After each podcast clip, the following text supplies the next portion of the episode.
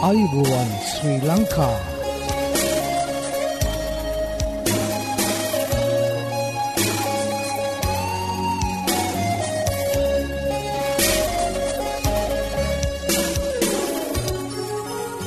ඔබට සුපදවස මේ ඇඩවෙන්ටිස් වර්ල් රේඩියෝ බලාපොරොත්වය හඬයි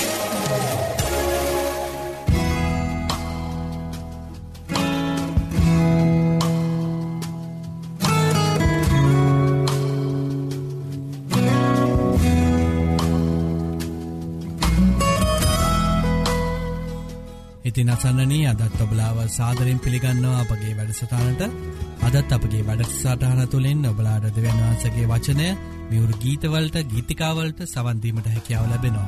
ඉතිං මතක් කරන්න කැවති මෙම වැඩසටානගෙනෙන්නේ ශ්‍රී ලංකා 70 ඇඩවෙන්ටිස් කිතුුණු සභාව විසින් බව ඔබලාට මතක් කරන්න කැමති.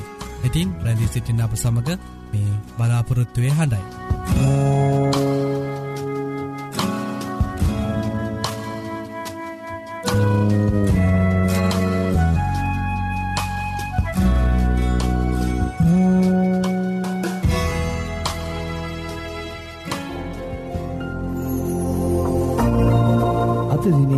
බයිබල් පාටය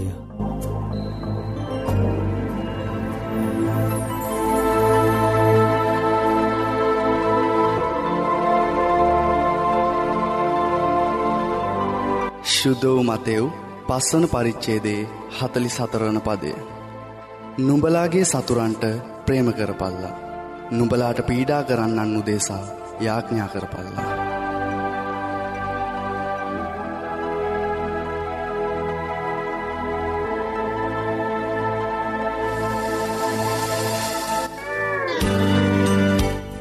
ආයුබෝවන් මේ ඇඩවෙන්ටිස් වර්ල් රේඩියෝ බලාපොරොත්තුවය හඬ.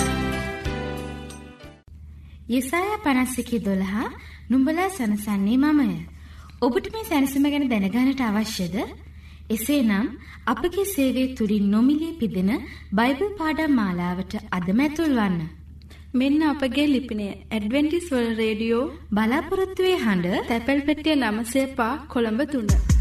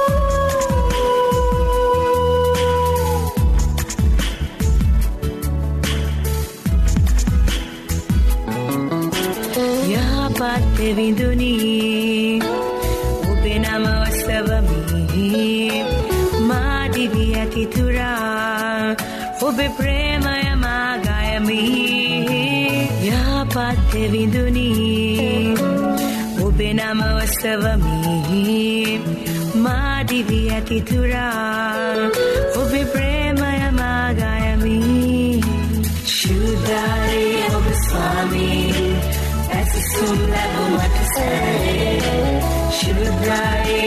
ඔබ ස්වාමී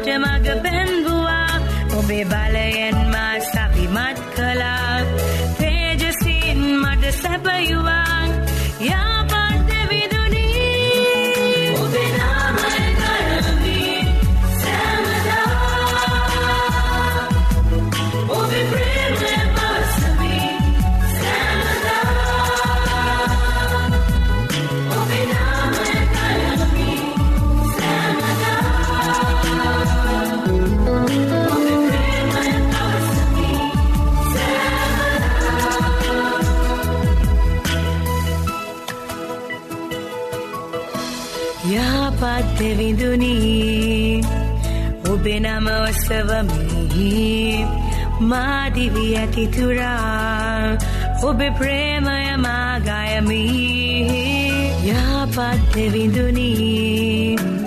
ඔබේ නම ඔස්සවමෙහි මාදිවි ඇතිතුරා ඔබේ ප්‍රේමය මාගයමි ශුද්ධයි ඔබ ස්වාමී. لب وما تسهل شو الداعية بس فاهمين بس لب وما تسهل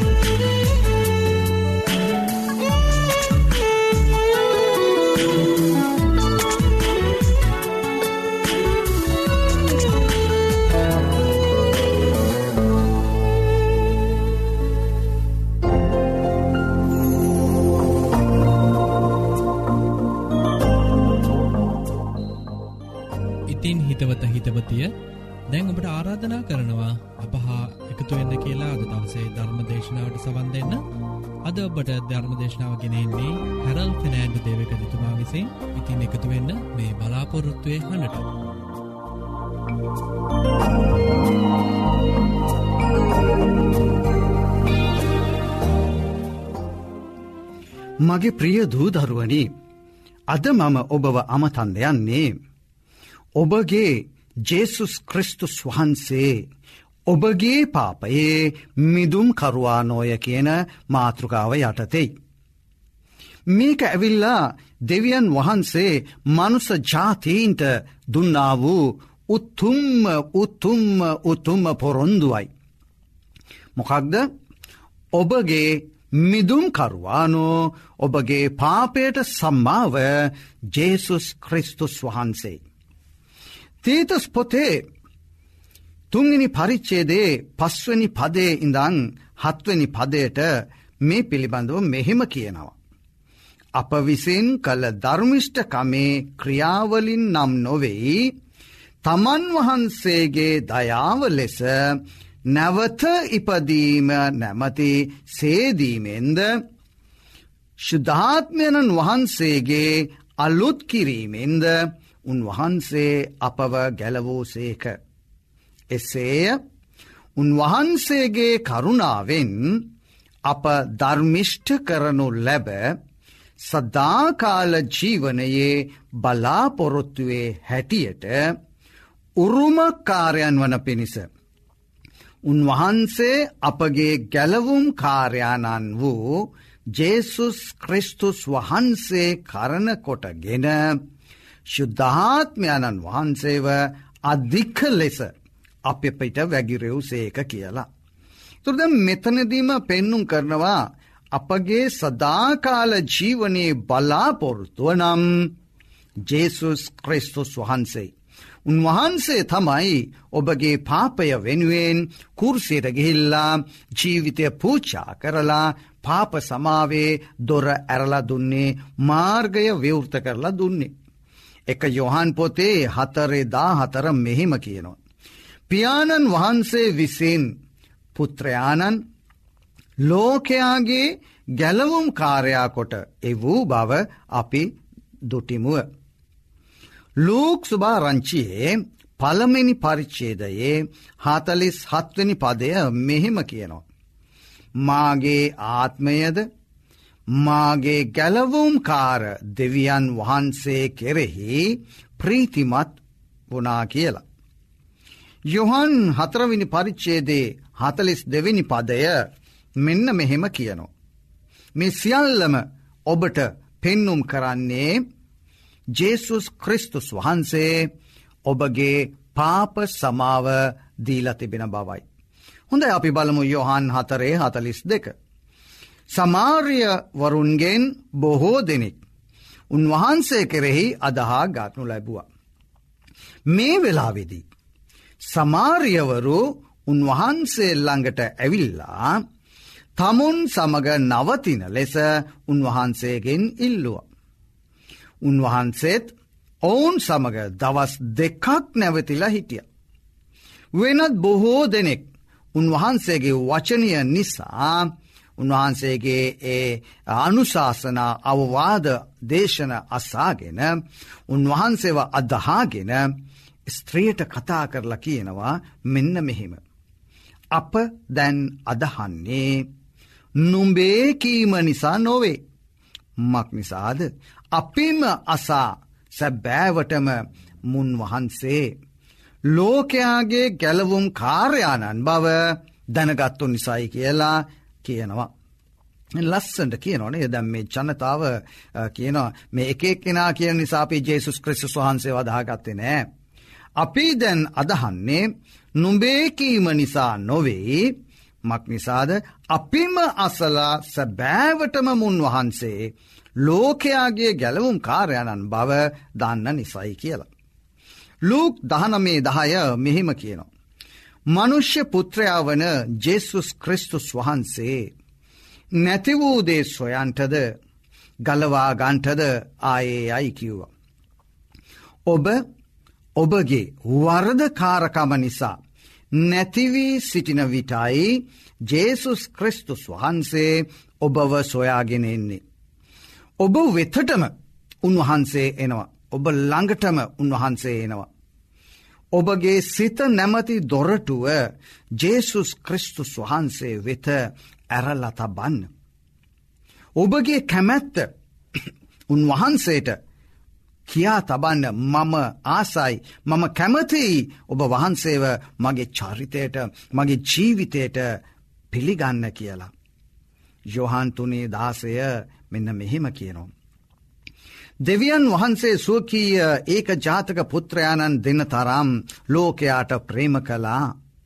එහෙම කළේ උන්වහන්සේ කෙරෙහි අදහාගන්නා වූ සැම දෙනාවම ඔබත් ඇතුළුව. විනාශ්‍ය නොවී සදාකාල ජීවනය ලබන පිණිසයි කියලා. දෙවියන් වහන්සේ ජේසුස් ක්‍රිස්තුස් වහන්සේව මේ ලෝකයට එව්වේ ලෝක ජනතාවවම ඔබත් ඇතුළුව.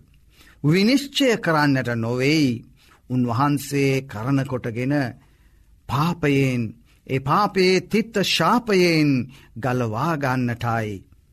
රෝම පොතේ තුන්වෙනි පරිච්චේදේ විසි හතර විසි පහ ඔබට මෙහිම ඔවදනක් දෙනවා. ඔබ සැම දෙනාම උන්වහන්සේගේ අනුග්‍රහයෙන් ජේසුස් ක්‍රිස්තුස් වහන්සේ තුළ තිබෙන මිදීම කරන කොටගෙන. නොමිලයේ ධර්මිෂ්ට කරනු ලබන්නෝ වෙති.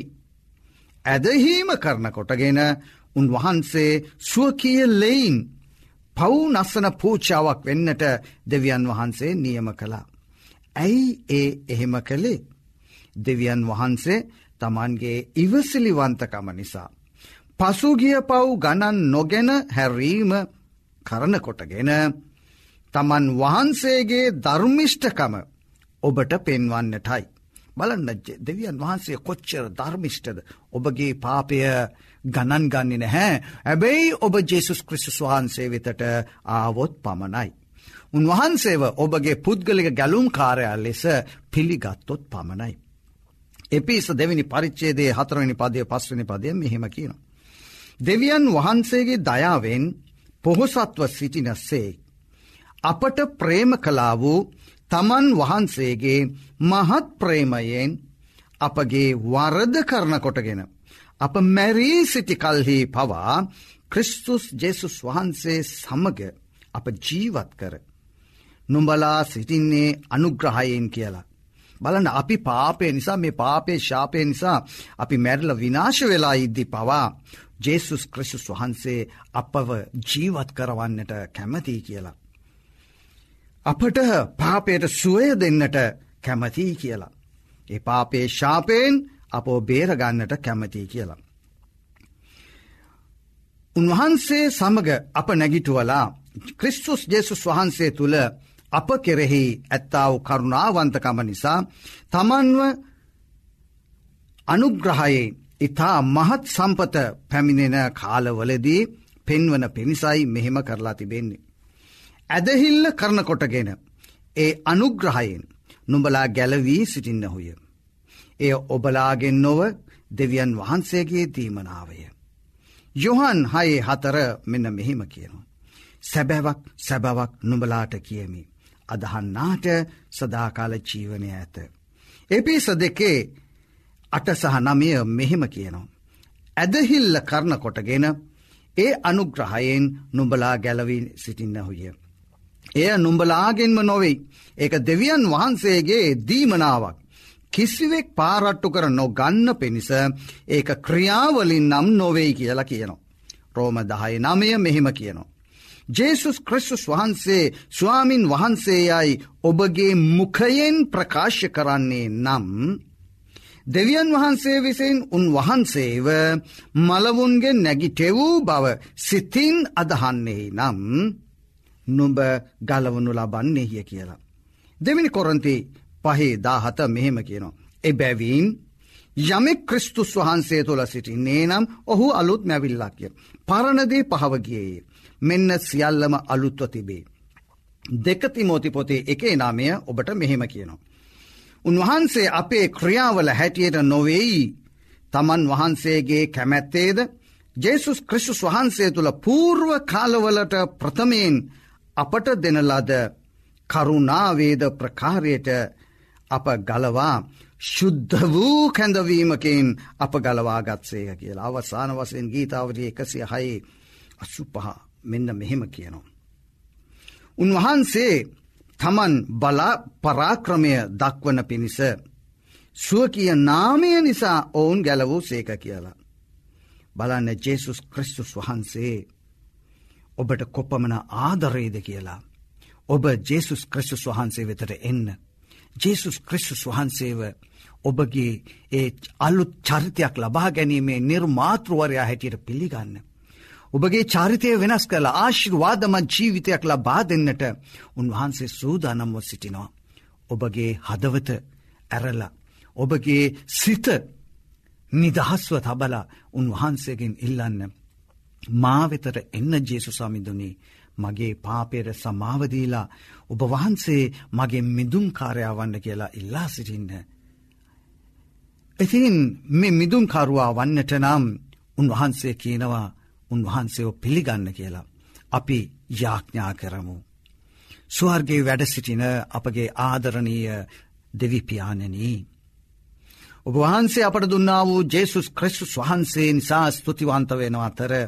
ජේසුස් ක්‍රිස්තුස් වහන්සේ දෙවීකත්වය තැබලා මේ ලෝකයට මාංෂිකත්වය අරගෙන මනුෂ්‍යයෙක් ලෙසම උන්වහන්සේ මේ ලෝකෙට ආවේ අපගේ පාපය නිසයි.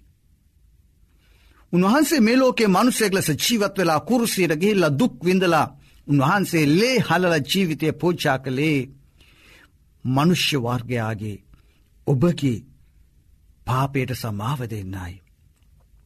ජෙසුස් වහන්සේ කියනවා. ඔබගේ සිත නැමති දොරටුව ඇරල තබන්න මම ඇතුල් වෙලා ඔබ සමග කෑමකණ්ඩ ආසයි කියලා. ඒ නිසාම ආදරණය ජේසු සම්මිධානනී. අපගේ සිත් මේ වෙලාවේදේ අපේ විවෘත කරලා තබනවා. අපි අපගේ ඒ දුර්වල ජීවිත චරිතය නිසා පාපකාරයේ ජීවිත චරිතය නිසා අපේ පසු තැවිලි වෙලා. නැවත ඒවා නොකරන්නට අපි ශුද්ධාත්ම බලඉල්ලා සිටින අතර. ජේසු සමිධානනී ඔබ වහන්සේ මගේ මිදුම්කරුවා බවට පත්වන්න. මම ඔබට භාරවෙන්නට ආසයි. ජේසුස් ක්‍රිස්තුස් වහන්සේගේ නාමෙන් ඉල්ලා සිටිනේ ආමේන්.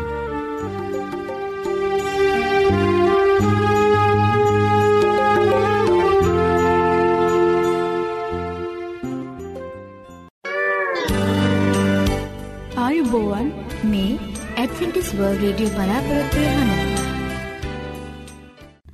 සත්‍යය ඔබ නිදස් කරන්නේ යසායා අටේ තිස්ස එක. මේ සත්‍ය සොයමින් ඔබ අද සිසිින්නේද? එසේනම් ඔබට අපගේ සේවීම් පිදින නොමිලි බයිබල් පාඩම් මාලාවට අදම ඇතුල්වන්න. මෙන්න අපගේ ලිපිනය ඇඩවෙන්ටිස්වල් රේඩියෝ බලාපොරොත්තුවේ හඬ තැපැල් පෙටිය නම සේපා කොළඹ තුන්න.